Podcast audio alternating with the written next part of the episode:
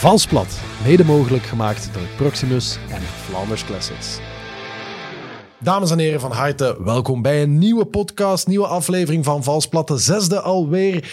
Mijn naam is Otto-Jan Ham en ik kan u vertellen dat het relatief goed met mij gaat. Tenminste, als ik het over mijn vorm heb. Het is al beter gegaan, dat wel, maar de zon begint erdoor te komen, dus dat is goed nieuws. U hoeft mij nog niet op te schrijven voor de Ronde van Vlaanderen, maar er zal wel een andere Nederlander in mijn plaats uh, als eerste over de finish komen. Maar ik hoop het tenminste.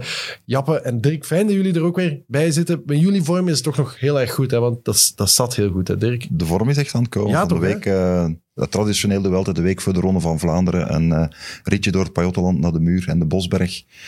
100 kilometer met 1000 hoogtemeters. Maar ik, dus, zie jou, ik zie jou ook verstrakken waar ik bij zit. ja, Ah, wel, ik heb dat ook al gedacht. Ja, toch hè? Ik denk als we een paar afleveringen terug gaan de winterkilo's zijn er aan het af. Ja, maar soms beginnen we aan de podcast en dan, dan, dan kijk ik naar toch een soort van amorfe blob. En dan aan het einde zie ik daar ineens zo'n vorm in verschijnen. En dat, dat, dat doet je, dat- misschien dat het podcast op zich je goed doet. Ja. Zijn er effectief kilo's af? Of Ja, zijn effectief al een paar kilo's af. Ja. hoeveel? Eh, vier.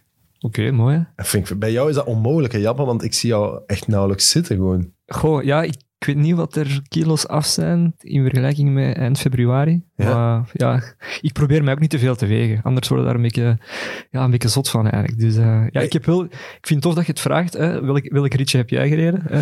Jappe, welk ritje heb jij gereden? Ah, wel ja, ik heb eigenlijk een vast ritje gereden om mezelf nog eens een keer te testen. Ik woon in Mechelen en dan rijd ik eigenlijk in via de vaart en dan achter Leuven, het parcours van de Brabantse. Eh, ook Siga Sigarenberg, Smeisberg, Muren, Preco, eh Pecro en ehm, de Lange Straat. En ik vind dat echt zalig om dan zo'n soort van natuurlijke interval te hebben. Echt, op, af. Ehm, en dan echt mezelf eens te testen. En ik kan wel zeggen dat eh, de vorm is aan het komen, zit goed. Ehm, ik vraag me ook af, als jij gaat rijden, welke koek neemt jij mee? Of, of qua versnaperingen? Ah, dat is een heel goeie. Ik, ik heb er heel lekkere gevonden van, en volgens mij is Albert Heijn. Maar ik ben nogal, ik ben een Nederlander, hè, dus ik vind daar alles lekker, omdat dat er ook altijd, dat staat er grappiger op. Dus een, eh, alles heet dat. eh, heet Dat is dan een of andere Surinaamse Nee, honingwafel nee, nee, zo. nee, nee, nee. Dat is dan, ja, daar staat dan op eh, zo, zo een snelle jellen of zoiets. Als er zoiets iets geestig op staat, dan ben ik, dan ben ik om. Maar ik wil wel altijd, ik, ik eet heel veel en, en al constant. Dus ook zeker als ik aan het fietsen Ja, ben. ik neem altijd wel gels en Nee, honingwafels. en honingwafels ook, mieliekoeken. Klassiek. Maar ik heb nu voor de eerste keer- eens gereden met, met dino-koeken. Dat is eigenlijk een, ja, een, koek vanuit mijn jeugd. En ik ben ervan overtuigd, daar zitten geen voedingswaarden in. Maar daar komen bepaalde nostalgische krachten naar boven dan als ik die koek neem. In dan, en dan in combinatie met muziek vanuit mijn tienerjaren, bijvoorbeeld die Offspring, ja, dan word ik gewoon een beest. Ik weet nu niet of dat daar iets wetenschappelijk achter zit, maar we hebben iemand in onze studio die daar misschien meer over kan vertellen. Of, Ah, Laten of we- juist niet. Ja, laten, we hem eens introduceren, Ja. inderdaad, voordat het hier te interessant wordt met al die leuke weetjes over jouw tienerjaren. want, want wij zitten hier met z'n drieën altijd. En eh, ik stel me soms de vraag, wat doen wij hier in vredesnaam? Wat zijn wij meer dan gewoon passanten die ook maar wat uit hun nek lullen en andere mensen napraten? Eh, wij gaan nog heel veel boterhammen en proteïne shakes tot ons moeten nemen om een klein beetje aan geloofwaardigheid te winnen. Gelukkig hebben wij iemand vandaag in onze zetel eh, uitgenodigd die, die, die, die al langer in de karavaan zit dan de karavaan zelf. Ehm, eh, als Patrick Lefevre de Don wordt genoemd, dan is hij toch zeker de consigliere. We zijn heel blij dat hij hier is. De dokter van de Wolfpack, Ivan van Mol. Fijn jou hier te mogen ja, uitnodigen, of tenminste ontvangen in onze, in onze zetel. Dag Ivan. Ik ben hier graag gekomen, moet ik zeggen. Ja, wel ik kijk. hoop dat ik dat over een half uur of over een uur nog kan zeggen. In principe, meestal eh, blijft, het, blijft de sfeer goed. Het is, het is nog nooit echt helemaal eh, fout gaan, eigenlijk nog geen één keer. nog nooit gevochten. Nog nooit gevochten, nee. Het is ook wel, het is wel jouw eerste echte podcast, geloof ik, hè, Ivan? Voor mij is het mijn eerste podcast. Ja, dus we moeten ook zien hoe jij daar als mens en als podcastgast op reageert. Ja. Maar goed, voorlopig gaat het allemaal goed. En meestal wordt de sfeer alleen maar beter als Dirk een, een, een bloemlezing ten berde brengt. Is dat ook vandaag het geval? Ja, het, zal, het zal een verkorte versie zijn, want als we de volledige carrière van Ivan van Mol moeten overlopen, dan zitten we hier binnen een half uur nog. Ja. Ehm, maar ehm, ja, jullie weten, ik maak af en toe eens een Belgasport aflevering en Ivan van Mol is denk ik een van de meest geïnterviewde mensen die wij bij Belgasport hebben, want bijna elk wieler onderwerp kan je een dokter Van Mol wel eh, voor gebruiken. Ehm, Ja, hij is in de jaren tachtig begonnen, hij is in het wielerpeloton gestapt. Ik denk bij de ploeg van Berthe de Kimpe, bij Splendor in de Ja. tijd, de eerste tour in Ik heb 1980. de voorbereiding goed gedaan. Ik ja. Bij de historicus van, op, 81, ja. 81 historicus van opleiding. Dus. Eh, nadien, ja, 19, de, de, de wonderjaren van ADR meegemaakt. De originele Wolfpack misschien, of de Cowboys die toen rondreden in het peloton.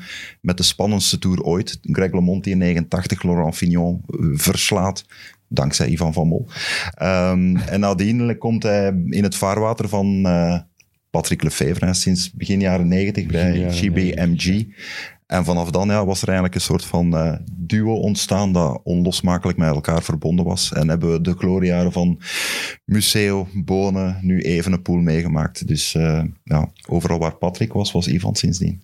Van Musée Bonen naar Evenepoel is wel eh, een grote sprong. Dat ligt een grote sprong, maar Heeft daar iets het tussen gezeten eigenlijk? eh? Ja, Julian Alaphilippe, maar hij heeft, hij heeft, als je de lijst bekijkt... Ik heb van de week een hele week bezig geweest met alle renners te bekijken waar Ivan van Mol mee samengewerkt heeft. En het is onnavolgbaar. Ik denk dat je toch wel een stuk, belangrijk stuk vergeet. Dat is onze Italiaanse connectie geweest. Ja, de map mee. Ballerini, Cipollini, Chioccioli. Dat was toch ook voor mij een, een heel speciale periode. Omdat je met die Italianen toch een totaal andere verhouding had. Dat was toen het begin van een integratie van buitenlanders in een Belgische ploeg. Waar twee verschillende culturen en dan moest die culturen proberen te mengen tot een, eh, tot een geheel dat werkt. En ik moet zeggen dat eh, Patrick dat heel goed gedaan heeft. Want eh, achteraf is men, heeft men dat nog geprobeerd, maar dat is niet altijd goed verlopen. En wij hebben natuurlijk door die traditie van het eh, met verschillende culturen te werken, hebben wij toch een voorsprong op veel andere ploegen. Ja, want dan ben ik daar juist vergeten te zeggen. Eigenlijk is dokter Van Mol ook zo verantwoordelijk, samen met een aantal andere dokters in die periode, om zo van wielrennen, het was een soort van folklore, denk ik, toen u erin stapte, naar een soort van wetenschap te brengen. Want dokter Van Mol heeft gestudeerd in Leuven, ehm, bij Mon van den Einde. Ik weet niet of hij een naam u iets zegt. Nee. Nee, maar dat was eigenlijk de grote inspanningsleermeester Ja, ja. die met die gouden generatie Belgische lopers, atletiekers gewerkt heeft, met eh Miel Puttemans, met Ivo van Damme, Gaston met eh, Roeland. Gaston Roelands, die generatie. Daar heeft hij de, de, de boter Absoluut. en heeft dat dan getransponeerd naar het wielrennen. Ja, en dat is in 40 jaar tijd ongeveer gebeurd. Want 40 jaar, als ze in 81 begonnen. Ja, ja, dat is, nu veer, dat is nu 40 jaar terug dat ik begonnen ben. Ja, Bij Splendor, dat was nog met eh, eh, Claude Cricchio. Ehm, Michel Pollentier, Michel. Pollentier, maar Pollentier heb ik zelf niet in de ploeg gehad. Maar wel van Kalster, Eddy Plankaart, eh, Walter Plankaart, Sven Aken Nielsen. Ik herinner me de eerste, eh, Sean Kelly. Sean Kelly. Sean Kelly bij wie we drie, twee of drie ritten wonnen. De eerste tour in 81, en dat was toen de tour van de ge- hergeboorte van Freddy Maartens, die toen drie of vier ritten won. Ja. Er waren drie man in de eerste tien, in het eindklassement. maar ik wil misschien nog een één stapje terug. Hoe, hoe, ben je eigenlijk terechtgekomen in de wielrennerij? Was, was, was je zelf actief als wielrenner of heeft dat je altijd gefascineerd of is dat precies gebeurd? Maar, eh, ik was gefascineerd door het wielrennen. maar Ik, ik heb zelf een paar keer met studenten gekoerst, competitie, maar dat was geen groot succes. Gelukkig of spijtig, dat is hoe je het bekijkt. Maar ehm, mijn vader was anders vertegenwoordiger. En, die, en als ik een jaar of 10, 15 was, ging ik bij hem mee in de vakantie. En dan kwamen we bij Georges Klaas. En Georges Klaas is de ex-winnaar van Parijs-Roubaix, twee keren tijdens de oorlogsjaren. Maar die zoon koerste ook. En toen ben ik daarmee bevriend geraakt. Dan was ik eigenlijk de verzorger van Georges Klaas, Tony Gakens, al die kerels die bij onze kermiskoersen reden. Ik heb daar rap veel geleerd en ook veel misgeleerd. Want dat was nog echt de periode van, eh, van de amfetamine, et cetera. Ja, en amfetamine. eh, En het groot plezier, et cetera. Ja. Ja. Amfetamine en plezier hangt natuurlijk samen. nu Dat nog altijd een andere. Ja, dat is een tijd waar we, we hadden het er met Patrick Evenepoel ook nog even eh, over. Als je het hebt over dat oude wielrennen, dat, dat, dat, dat zijn waanzinnige taferelen die daar inderdaad eh, toen nog gebeurden allemaal. Hè. Ja, ja, ik weet dat van die, van die groep, dat er een aantal mensen achteraf eh, opgesloten zijn, in gevangenis, voor het stelen van ziekenbrieven en weet ik wat allemaal. Ja. Maar uiteindelijk is het allemaal met die gasten goed gekomen. Maar wie dat zegt dat het, dat het wielrennen toen gezonder was als nu, die, die zou toch moeten inderdaad een les in geschiedenis krijgen. Toen namen er toch nog coureurs rattenvergif ook en zo. hè? Ja, nee, dat, dat zou wel iets overdreven zijn. Maar strychnine bijvoorbeeld. Dat, ja, ik denk, ik heb altijd dat verhaal gehoord, maar dat heb ik eigenlijk gelukkig nooit gezien. Ah ja, oké. Dat is, die- dat is die rattenvergif. Dat is toch... Ja, ja, ja. Ja, ja. Waarom, wat is het idee daarachter? Ja, dat weet ik niet. Nee, want ja, er moet toch iets zijn waarom dat je dat Omdat pakt. alle ratten moeten vergeven worden. Ja. Heb je heb al eens een Ook in rat zien fietsen? Dat, gaat, eh, dat is ongelooflijk. Nee, maar ja ik, Ja. ja. ik, ik vraag het mij af. Ja. Ja. Nee, maar, maar, eh, maar eh, eh, 40 jaar in het wielrennen, het is wat Dirk net zei. Hè? Je hebt eigenlijk van, van, een, van, een, van een soort kermiskoers, hè? Een, een, een, een, zootje ongeregeld, kunnen we dat eigenlijk misschien ook wel een klein beetje noemen. Zitten we nu in een zeer gestroomlijnde omgeving, maar een heel hobbelig parcours is dat toch geweest?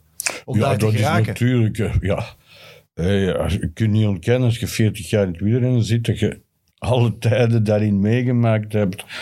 Eh, maar nu is die structuur zo veranderd dat eigenlijk ook, moet ik zeggen, het avontuur en het plezier, zeker met die covid-periode van nu, is het toch wel wat af aan het gaan. Eh, bijvoorbeeld, eh, ik heb nu een week in eh Tielt gezeten voor de koersen.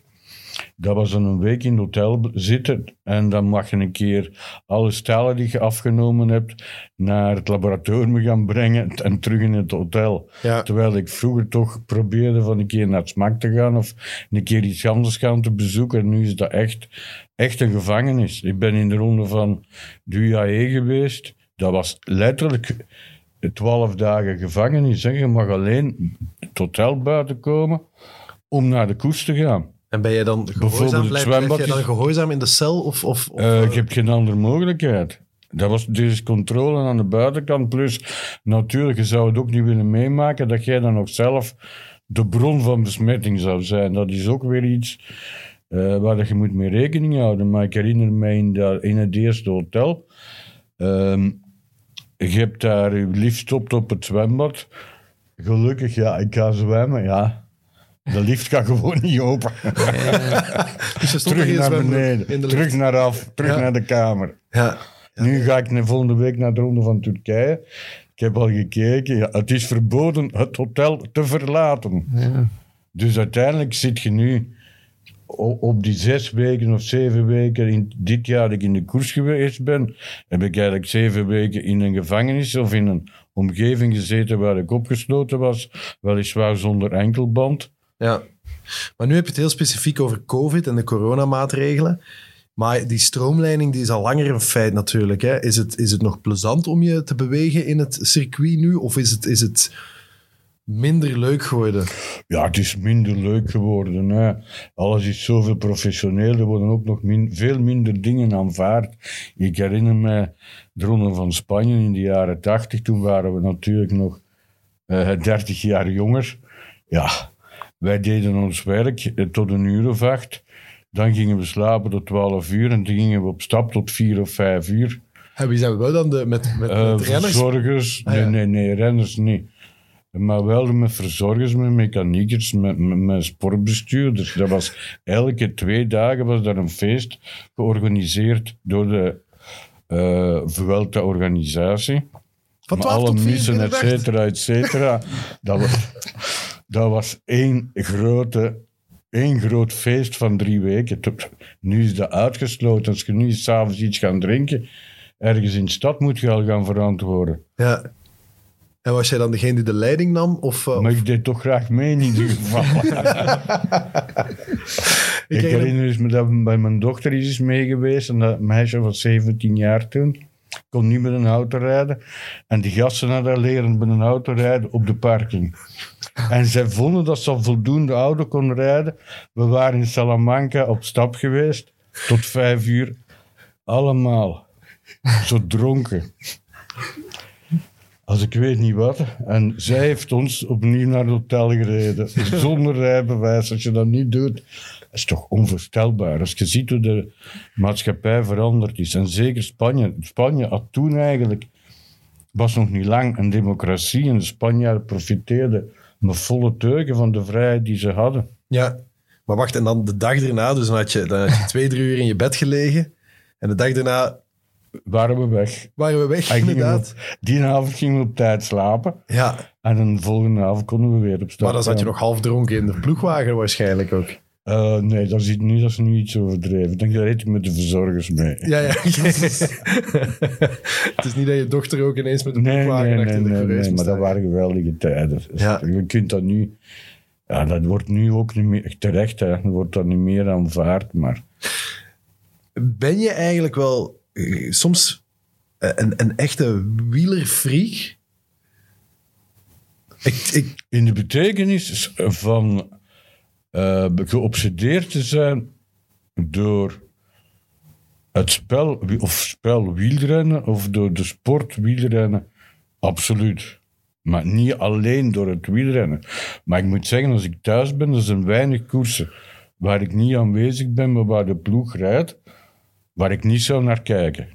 Dus bijvoorbeeld naar de Ronde van Baskeland ga ik in principe kijken ja, het laatste uur. Of natuurlijk, na een tour ga ik geen etappe bekijken van, van zes uur, hè, van een vlakke etappe. Maar ja, ja, ja, ja, ik mag zeggen dat ik. eh, Zou je eigenlijk je job ook als ehm, bij een andere sport hebben kunnen uitgevoerd hebben? Ik zal maar zeggen bij een voetbalploeg of zo. Of, eh, bah, ik weet dat niet. Ik, uiteindelijk, vroeger dacht ik van niet. Maar ja, dat- andere duursporters. Ja, ik denk niet dat het sowieso te maken heeft met de fysiologische aard van de sport, maar ik denk dat het meer te maken heeft met het contact, het verplaatsen, zekere vorm van vrijheid hebben, veel dingen zien waar dat je dan toch vroeger nog een zekere vrijheid had om zelf ook nog een aantal dingen te doen, mag ook niet vergeten. eh, als ik dat vergelijk met veel van mijn collega's, ik heb een fantastisch fantastisch leven gehad. Hè. Dan spreek ik collega's buiten de koers. Je kwam overal. Ik heb dingen gezien die veel mensen nooit zullen gezien hebben, zeker niet in hun werk. Ja, en ik probeerde ook altijd te combineren met andere dingen die misschien ergens anders interessanter waren. En dan spreek ik niet op, eh, over Spanje. Nee. nee, ik hoor wat je zegt. Eh, ja, fantastisch leven en carrière. Het is misschien ook een klein beetje te vroeg om terug te kijken, maar dat zeg je nu wel als je het vergelijkt met collega's die dat dan niet gedaan hebben. Maar ook niet altijd leuk. Heb je nooit overwogen om vroegtijdig daarmee te stoppen? Dat je dacht, ja, nu is het... Ja. Ik Ja, moet er zijn zeggen, toch momenten geweest... dat- Het zijn altijd moeilijke momenten geweest. Hè. De jaren 90, begin 2000, met EPO waren zeer moeilijke momenten. Je was op een bepaald moment bijna vogelvrij verklaard. Eh, nu ook is het toch ook moeilijk. Hè. Nu is het toch weer zo stresserend. Vooral de laatste tien jaar was het eigenlijk heel aangenaam. Weinig stress, alleen de gezonde stress van de koers en het resultaat. Maar nu zit je dan weer, eh, ik ga het nog eens herhalen, met die COVID, wat er zo'n belasting betekent voor ons, wat ook onze vrijheid totaal beperkt heeft. Eh, dan denk je wel, ja, is het het nog waard? En dan denk ik ook, ja, vanaf volgend jaar, wanneer dat je van ons stel dat we opnieuw onze vrijheid hebben, is het dan nog waard om naar de koers te gaan? Of moet ik die twee jaar die je bij manier van spreken nu verloren bent, moet je niet proberen om, in, om die in te halen, om nog een aantal dingen te zien tot nu dat de gezondheid nog goed is? Ja. Ehm, en hoe scherm je daarvan, of tenminste, hoe bescherm je jezelf daar tegen, tegen misschien de, de ja, hoe zou ik het zeggen, de, de weerzin is misschien een beetje sterk uitgedrukt, maar, maar het gebrek aan goesting dat ineens zou komen daardoor. Ja, ik heb ook een aantal andere passies waar ik eh, mee bezig ben en waar ik mij kan in uitleven en die absoluut niks met koers te maken hebben. En dat maakt toch wel dat je daar een zekere compensatie in kunt vinden. Ja, En natuurlijk, het is nog altijd aangenaam ook om met jonge mensen bezig te zijn. Hè? Zeker. hoe moeilijk het ook is, we hebben nu nog altijd meer kansen dan andere mensen. Hè? Bijvoorbeeld eh, in het hotel. We hebben, of het hotel heeft nog altijd de kans gekregen om eh, de tafels in te richten, zodanig dat wij nog altijd met de ploeg samen aan tafel kunnen zitten. Er zijn ook niet veel mensen die dat nog kunnen zeggen dat ze nog een mogelijkheid hebben. Ja. Maar is het maar het, het, het, het, het eten, dat toch een vorm van communicatie is, eh, om dat, dat nog mee te maken. Ja. Je hebt nog een restaurantbeleving, bedoel ik.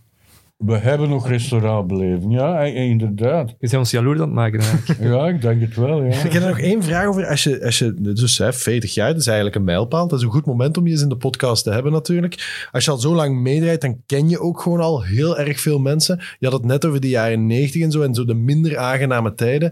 Heb je het gevoel dat zoiets je eh, blijft achtervolgen ook? Zijn er mensen die je nog altijd met een nek aankijken of, is dat, of valt dat Maar mee? nee, ik, ik heb alleen maar dat gevoel wanneer ik op Google mijn naam dat, is echt, dat is echt een verschrikking. Dus dat doe je nooit.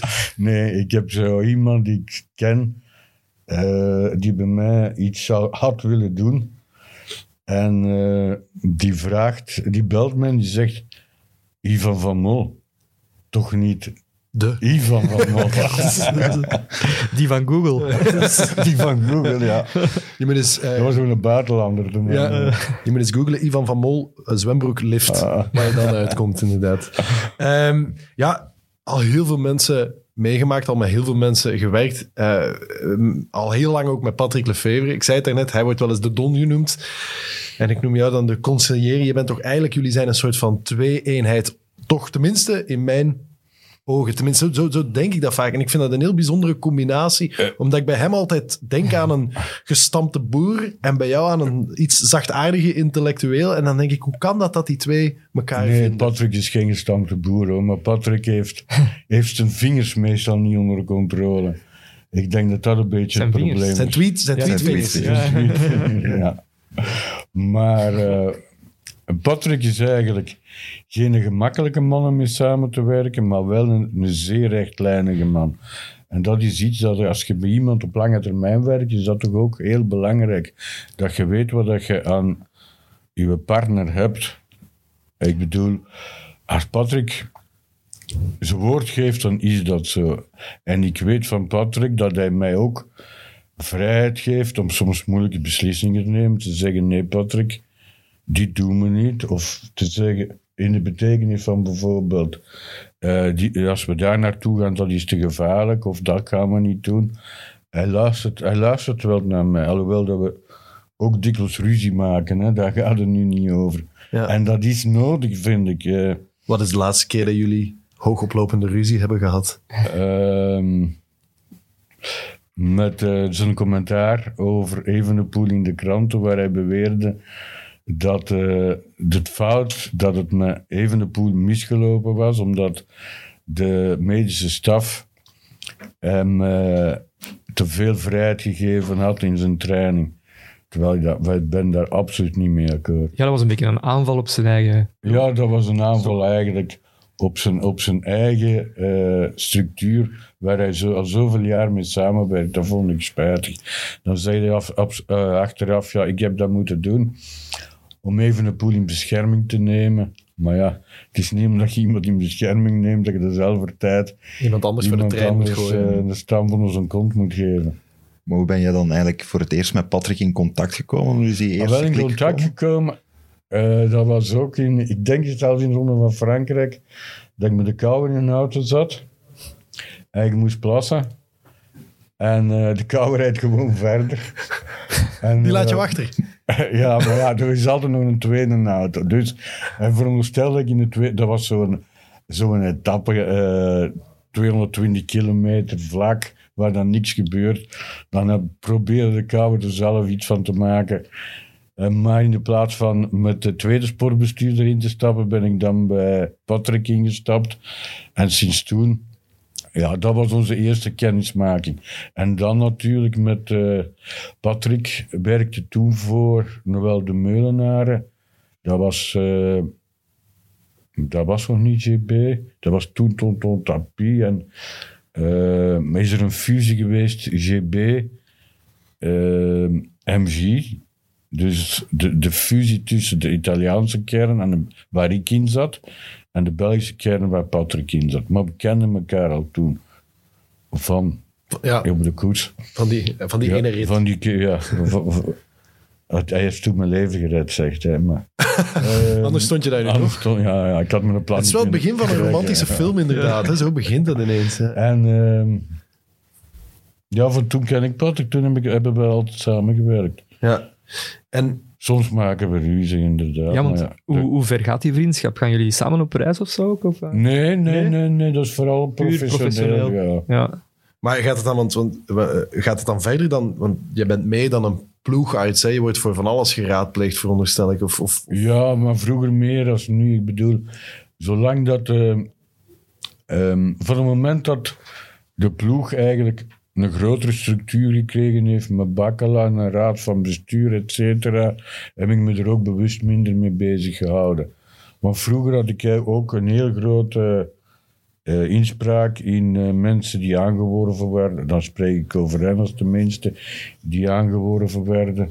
Dat is nu minder. Maar ik ben ook aan het proberen van mijn fakkel over te geven aan mijn collega Filip Jansen. ja, Die ik ken van in het eh drugscentrum waar we samenwerken. En die niks van koers kende. Maar ik vond hem direct een heel interessante kerel. Ik heb dan even bij ons in de ploeg gehaald. En ja, dat, die omgeving beviel hem. En nu dan in de ploeg dat eigenlijk is hij mijn opvolger. Ook in de betekenis van de, het gewicht dat hij, in zijn- dat hij door zijn persoonlijkheid in de ploeg legt. ja. Nee, maar ik herinner mij wel in de Tour van 2016, toen dat de contractbesprekingen over Tom Bonen nog bijtekenen of niet. We waren daar toen bij, en toen dat Patrick die onderhandelingen aan het voeren was. En ik weet wel dat hij toen naar u belde om te overleggen van wat moeten we doen. Of niet echt wat moeten we doen, maar toch even een toetssteen. Ja, maar dat is nu nog altijd hoor, dat er dikwijls ehm, gesproken wordt over, over aanwervingen. Ik moet zeggen dat ik zelf ook renners aanbreng. Bijvoorbeeld een Lampaard, een Serie, eh, Ballerini. Dat zijn ook renners die ik dan zie wanneer ze in kleinere ploegen rijden. En bij mijn ervaring mag ik zeggen dat ik al de kwaliteiten van een renner ken en dan ehm kaart ik dat bij Patrick aan en dan dikwijls worden die ook in de ploeg genomen. Ik ga deze ietsje lager zetten. Zo, hop. Ja, dat is een kleine ingreep. Ik heb de microfoon ietsje lager, omdat wij heel veel klachten van Twitter... eh, Patrick Lefevre zelf die aan het tweeten was, dat we je gezicht niet konden zien op YouTube. Dus daarom inderdaad. Maar, maar jij, dus af en toe tip jij ook sportief, of op het sportieve vlak, begrijp ik. Ja, ja, absoluut. Vroeger meer dan nu. Maar, ehm, Dan ging je echt maar kijken naar ook de om, om- omdat wij ook altijd het, eh, profiel van die renner eh, nakijken, naar bloedprofiel. Ja, nu is dat minder belangrijk dan tien jaar terug. Eh, nu kun je bijna blindelings iemand nemen, maar tien jaar terug was het toch regelmatig dat je zei, ja, oh, oh, hier gaan we ons handen afhouden, dit gaan we, dit gaan we niet doen. Heb je zo een paar keer nee moeten zeggen tegen? Eh, ja, ja, en dat was ook een grote ruzie. en dat was, ehm, hoe heet hij weer? Rico, hè? Rico? Ja, de Cobra, Rico. ja. Weet ik, ja. Die, die, zijn mannen waren in Italië. Hij me, eh, de baas van Latex Luc, met Luc Maas. En eh, ja, ze hadden al bijna getekend. En zo, ja, en het was groot feest al. Ik heb gezegd, Patrick nu, ofwel tekent Rico, ofwel ben ik weg.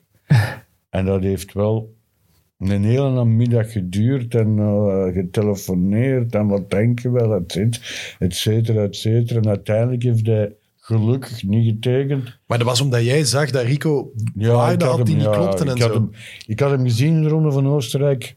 Een paar weken ervoor dacht ik, ja, dat, dat, dat, klopt, dat klopt echt niet.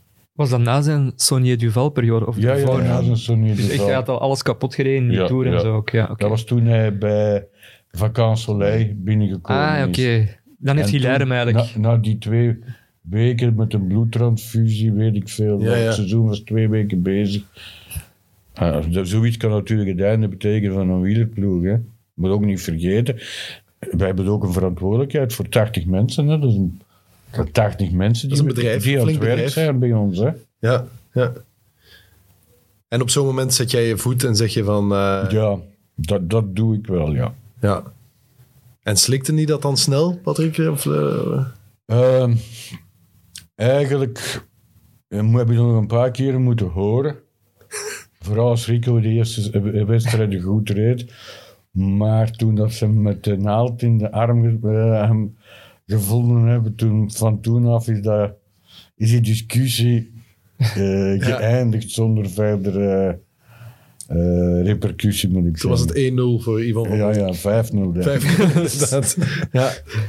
Ja, je hebt wel wat, wat renners zien passeren. Zijn er bepaalde renners met wie je echt een heel goede band had? Of die, eh, we spraken, vorige week zat Stijn van den Berg hier. Die, die sprak eh, toch ook eh, vol liefde over alle keren dat jij zijn achterwerk hebt bekeken. Je hebt natuurlijk, je kent de renners wel heel erg goed. Ja, ja, ja, ja, ja. Maar zeker vroeger, hè. Die generatie Stijn van den Berg, Nicky Terpstra, Tom.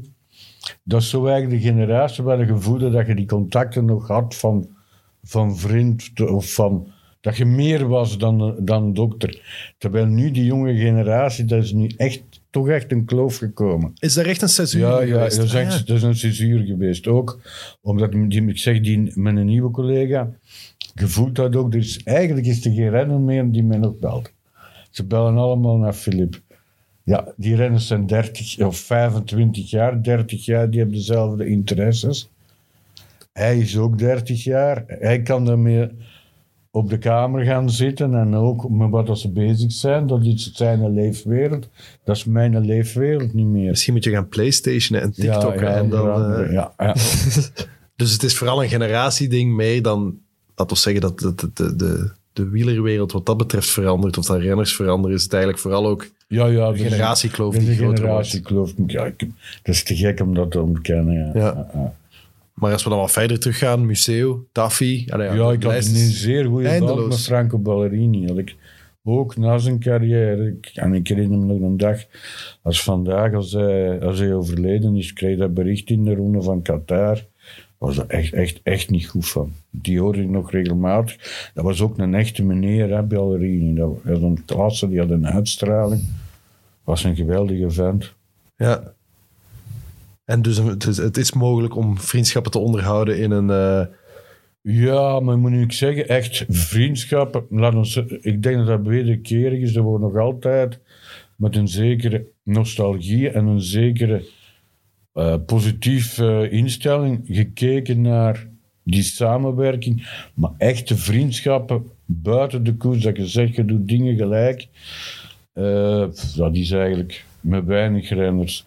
Maarten Wijnands komt nog regelmatig thuis binnen. Met Bram Tankink hebben we nog contacten. Ja, ik heb jou ooit gezien in de Ancien Belgique met Bram Tankink Ja. voor een concert van Blauwtsoen. Ja, dat klopt. Ja, hè? Dat klopt. Dat is de eerste keer dat wij elkaar... we hebben- ik- nee, ik dacht eerst van, hebben wij toen met elkaar gepraat, maar we hebben nog even buiten gestaan. hè? Ja, sigaret nog gerookt. Sigaret nog Dat gerookt. niet meer kan. Ja, toen kon dat nog. Hè.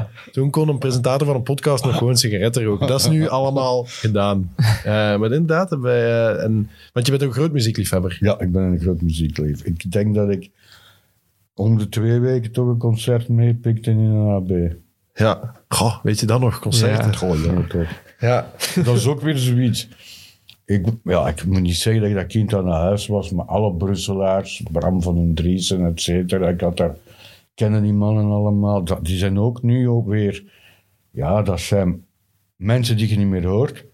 En nu, als je mijn leeftijd hebt en je dan binnen, ja, hopelijk binnen drie maanden opnieuw de AB, dan zit daar wel twee jaar tussen. Dan ben ik, ja, ben ik bijna 68 jaar.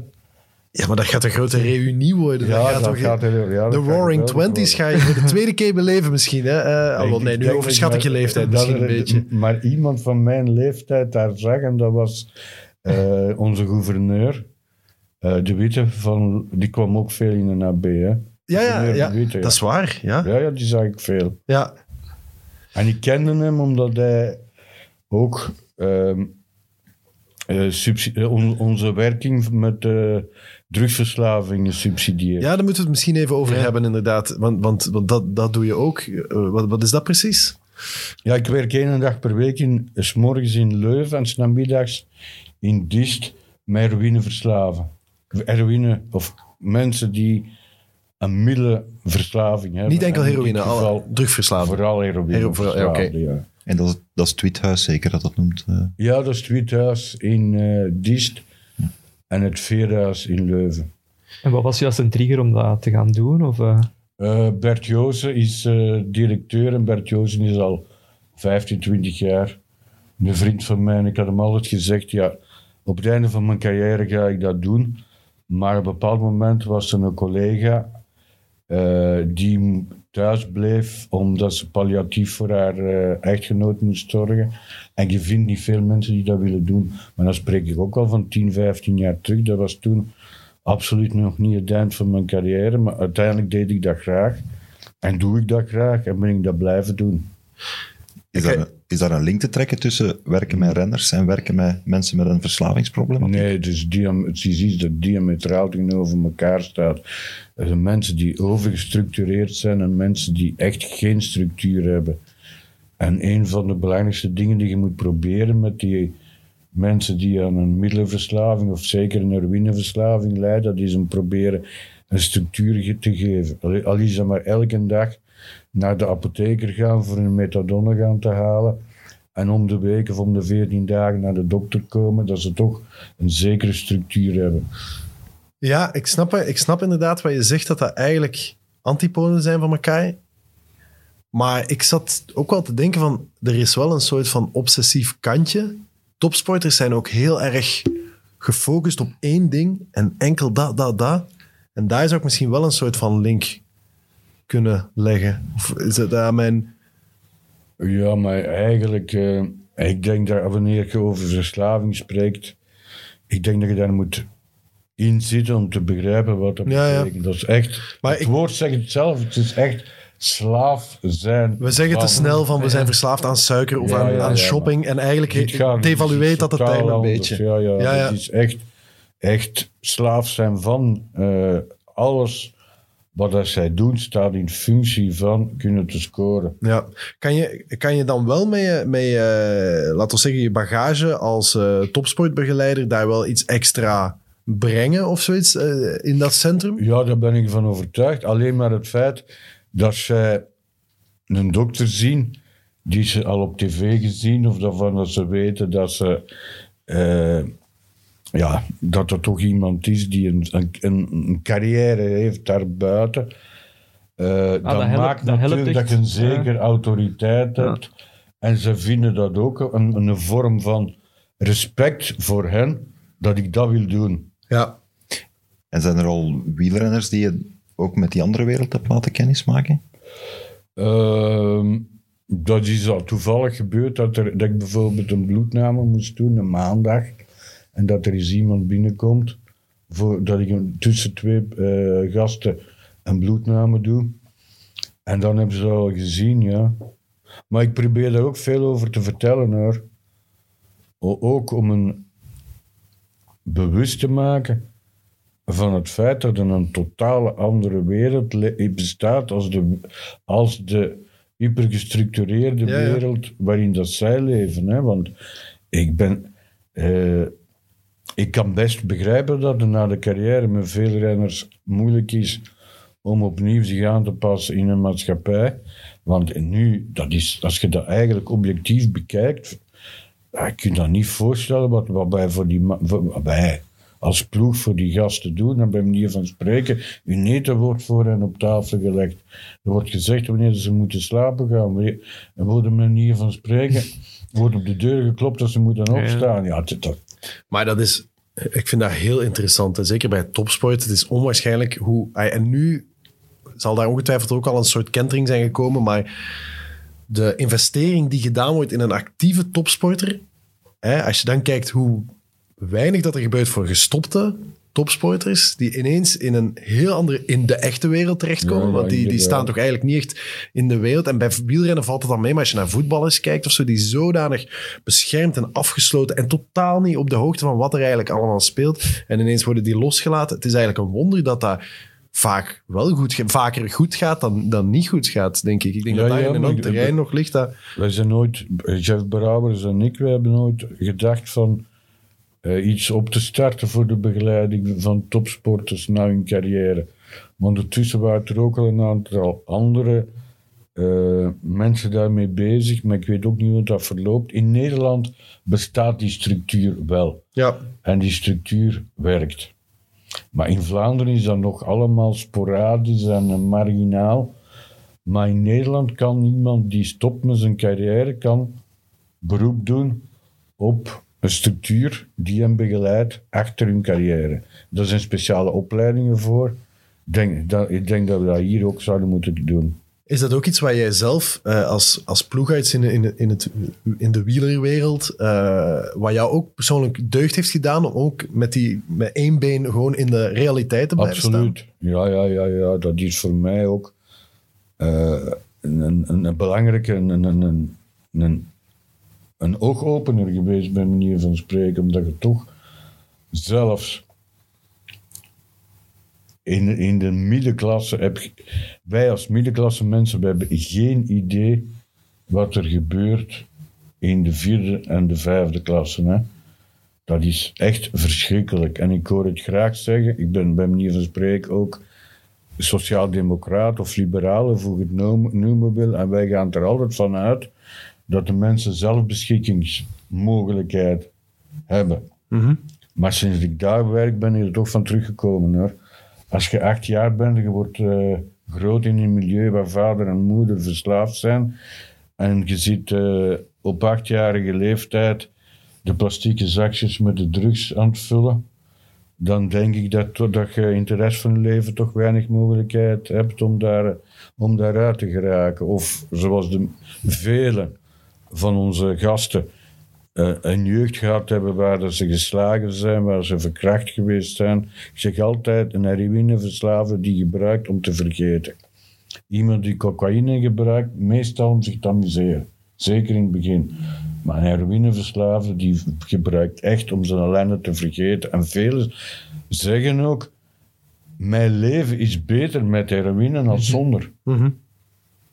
Ja. Omdat dan allerlei Het warme deken over de ja, ellende. het warme heen deken over alle ellende. Ja, Zijn er ook verhalen dat je meegeeft naar de renners toe Ja. om hun wakker te schudden van ja, jullie zijn eigenlijk allemaal gepamperde... Ik doe dat regelmatig, ik zeg het straks nog.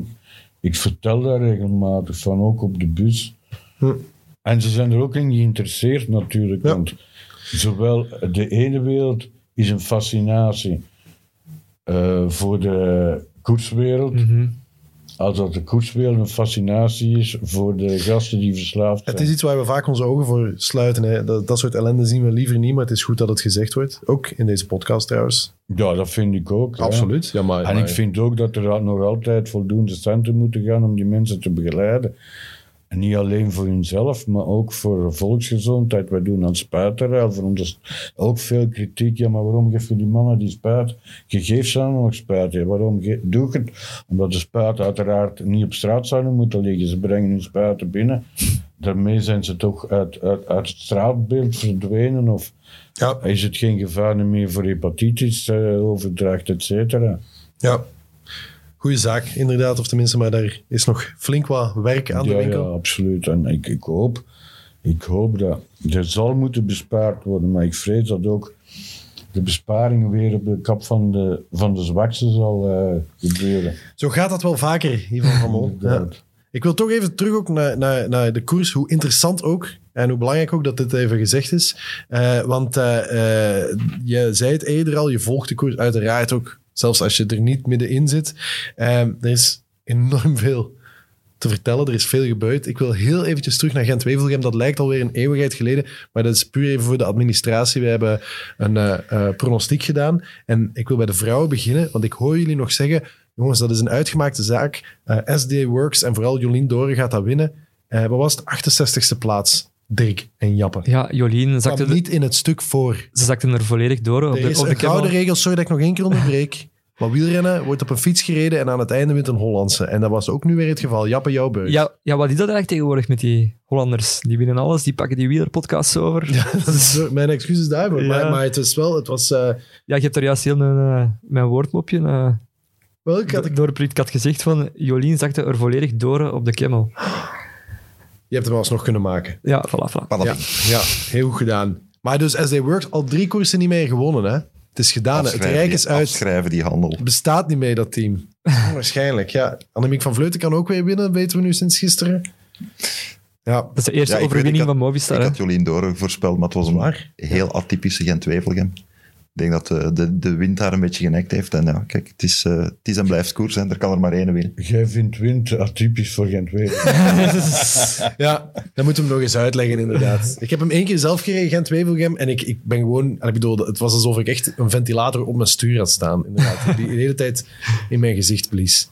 Maar wel, het was, het was wel een, een mooie koers. Heb je, heb je hem gevolgd ook, Ivan? Absoluut. Ja, Ik was daar, ja. ja. Voor ons was het weliswaar iets minder, maar... eh, Dat is, dat is waar, ja. Eigenlijk, ja. Heeft het gestoven achteraf op de bus? eh, gelukkig waren we toch niet, moet ik zeggen. nee, dat kan ik Patrick, Patrick hebben we niet gezien, misschien beter zo. maar ehm, Heb je al van die, weet je al wanneer dat je hem even in een flinke bocht om hem heen moet en wanneer je hem te lijf kan gaan? Als ze niet winnen. ja, ja. Eh, eh, Ik vind niet dat, echt een- dat hij echt een goed verliezer is. Dat weet hij zelf ook. Dat weet hij zelf Ja, ja, ja. ja, ja, ja, ja. Nee, dat was, eh, het was inderdaad niet jullie koers. Jullie hadden het heel goed gedaan in de E3-prijs. Ja, geweldig. Maar, maar dan bij Gent-Wevelgem ging het, ging het mis. Eh, jij had gezegd, Seneschal gaat die winnen. Ja, ik had mijn twee voorbereidingen door elkaar gegooid. Ja. Ja. was Seneschal voor, voor eh, E3 spelen en Gent-Wevelgem iemand anders. Maar Ja. En jij had... Ik had iemand ziek, ziek gepronosticeerd. Dus eh, Ja, goed bezig, jongen. ja, Ja, wel, maar bij mij... Ene ziek en één die niet deelgenomen. En, wel, en mijn, want ik had niveau, gezegd, ik zeg, ik doe een wilde gok. Ik zeg gewoon, ik, om Pascal Eenkoorn, tachtigste. Ja, Maar dat is dus in, in het land der blinden is de eenoog koning. Hè? Dus ik, Is- ik heb dit eigenlijk gewonnen met een tachtigste plek. inderdaad. is één Dus. Daar ben je terechtgekomen, hè? Ivan van Mol. Dit zijn de kenners bij wie jij eh, op de bank zit. Eh, maar, maar verder was het een... eh, Wout van Aert heeft gewonnen, zeg. Michel Wuits heeft er nauwelijks aandacht aan besteed. Maar eh, Ja, wij waren toch super blij, omdat ja, de, de, de, de Jumbo's stonden er. Hè, ja, dat is waar. met Ja. het exponent Nat- Nathan van Hooydonk. Dus, dat moet ik eh, even ook uitleggen aan, eh, aan Ja. Ik maak me hier al een paar weken druk over Michel Wuits, die maar blijft zeggen dat Wout van Aert geen eh ploegmaten heeft of ge- geen goede ploeg heeft. En die vindt dat Primoz Roglic en Tom Dumoulin eigenlijk de hele tijd naast of voor Wout van Aert moeten rijden.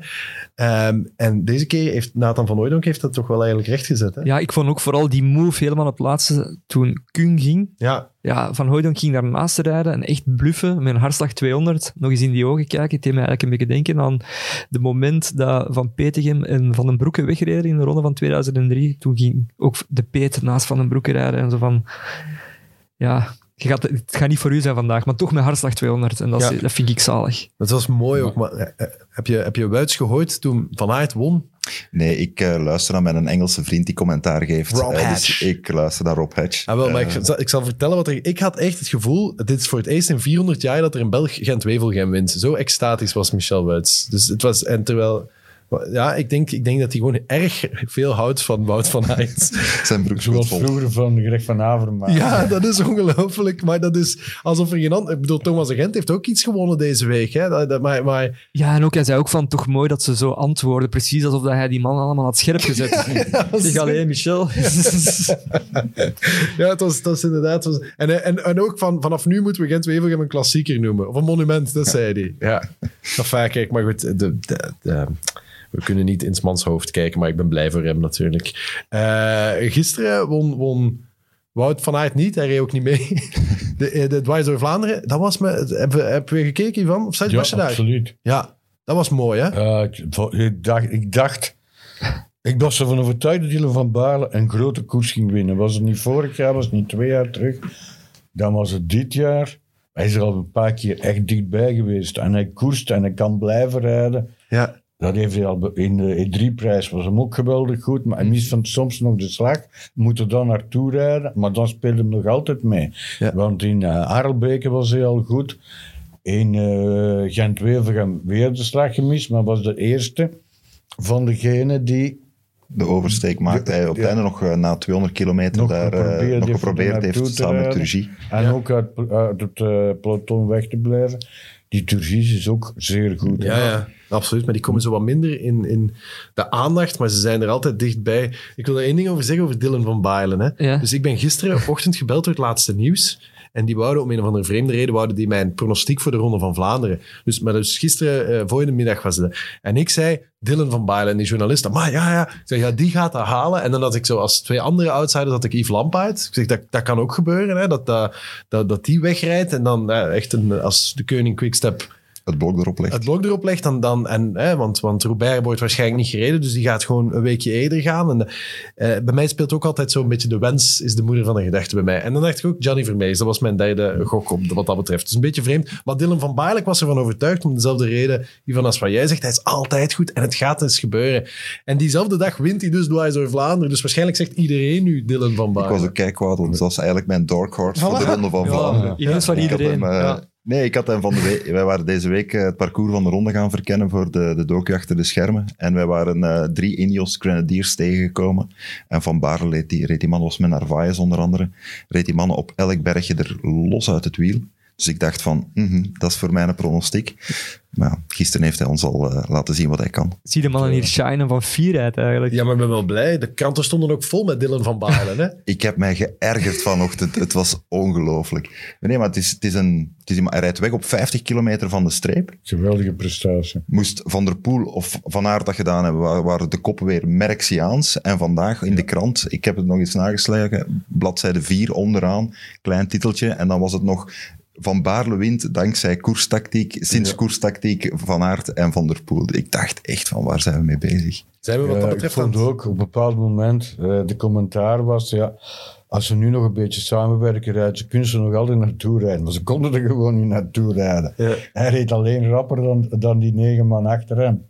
Zijn we wat dat betreft een beetje aan het doorslaan dat we gewoon iets te veel kijken naar dezelfde twee, drie Ja, wij zijn, wij zijn altijd veel te chauvinistisch geweest als het over wielrennen gaat.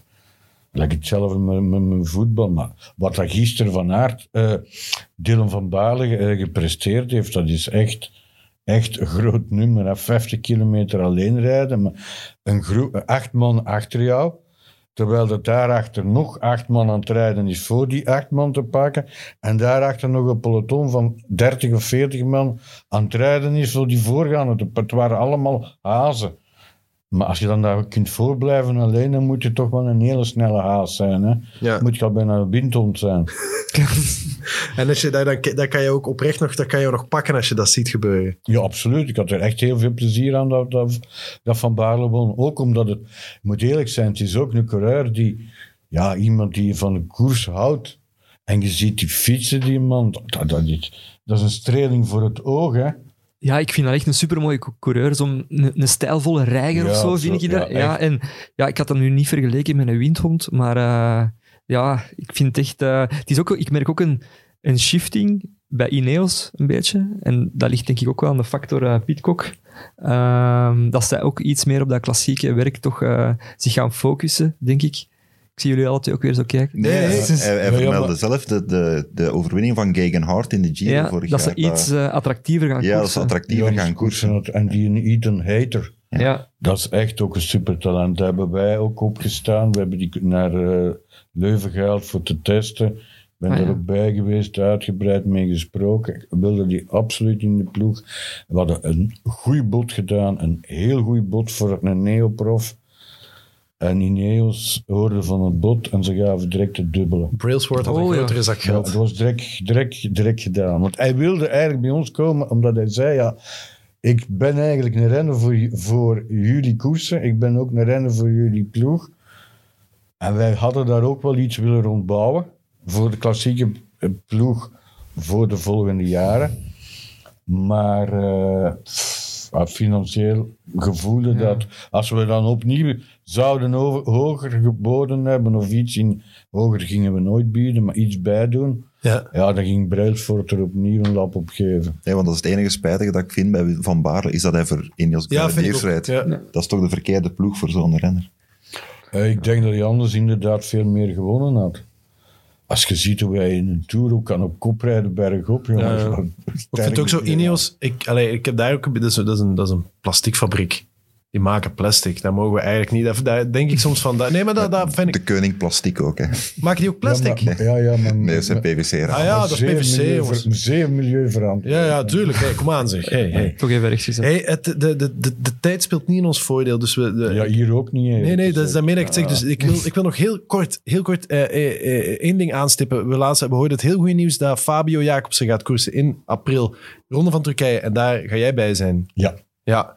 Eh, Ja, ik zou er ook graag bij geweest zijn natuurlijk. Ik heb dat drama meegemaakt in Polen en dan opnieuw met Fabio de eerste koers gaan rijden. Dat is toch wel, zelfs mijn leeftijd, nog iets heel emotioneel. Want ik heb die, ik dacht echt dat die jongen aan het doodgaan was op de, op, op, op, op, op de straat. We hadden het hier twee weken geleden met Renaat Schotten over, die daar ook getuige was. En, die, en die zei ook van... Maar ja, Renaat heeft er dan ook een aantal dingen de wereld in geholpen. Zoals hij, hij is 40 minuten gereanimeerd geweest. Hij is eigenlijk niet gereanimeerd geweest. Hij is gestabiliseerd geweest. Maar dat is een, een hemelsgroot verschil tussen iemand reanimeren is iemand die eigenlijk aan sterven is opnieuw proberen tot eh, levend te houden, terwijl stabiliseren is iemand die in een zeer ernstige toestand is, proberen klaar te maken om overgebracht te worden naar een ziekenhuis. Ja, Maar wat, wat, wordt, er- wat wordt er dan juist gedaan? Ja, er wordt, Met stabiliseren. gestoken, er wordt gekeken dat zijn, dat zijn eh, bloeddruk, zijn ademfrequentie, zijn zuurstof Ah, ja, nog altijd goed is en goed blijft. Maar in geval van reanimatie is dat allemaal weg. Hè. En dan, maar als je iemand 40 minuten reanimeert, ja, als je dat hoort als, als, als, als eh, ingewijde, dan denk je, ja, die kan er nooit uitkomen. Is dat een van de meest intrieste momenten die u meegemaakt hebt? Toch een van de meest eh, emotionele, ja. Ook natuurlijk, omdat je, je, ja, je zit er altijd bezig met het feit, ja, ik ga niet lang meer werken. En dan wil je toch zoiets niet meemaken op het einde van je carrière. En vooral met Fabio heb ik een hele goede... Ah, ik kom er heel, wij komen heel goed overeen. Hij was gisteravond nog thuis, omdat we, we moeten hier s'avonds naar de verzekering gaan. je moet naar hem toe zeker nu. Ja, en hij moet, hij moet naar de verzekeringsarts gaan. Ja. En ik ga mee met hem nu. Ik vroeg me af voor in Turkije, is hij eigenlijk eh koersklaar of echt massasprint klaar?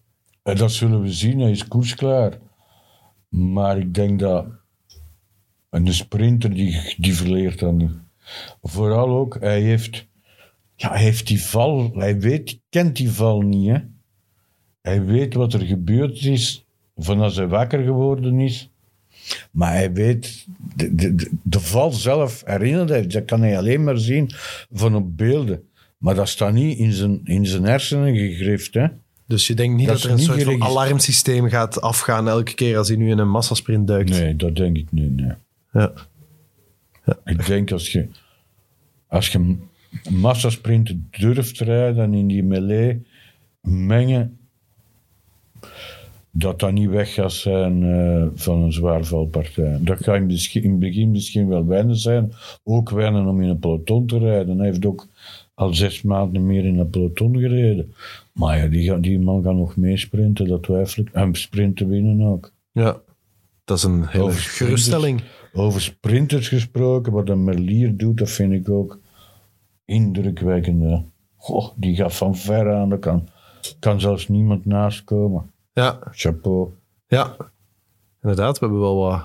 Allee, ik bedoel, met Merlier en, en Philipsen, ook België heeft wel wat goede We sprinters. zijn hè? een sprintland geworden. Hè? Ja, absoluut. Altijd al geweest. Hè. Dus ja, altijd al geweest, maar ook een paar jaar niet. Ja, en ik even- dat. inderdaad, ja. Want ik vind dat er, er is niet, niet, niks zo, ehm, hoe kan ik het zeggen, eh, sensationeel of ja, spannend in eh wielersport om naar te kijken als spurt, omdat dat heel intens is.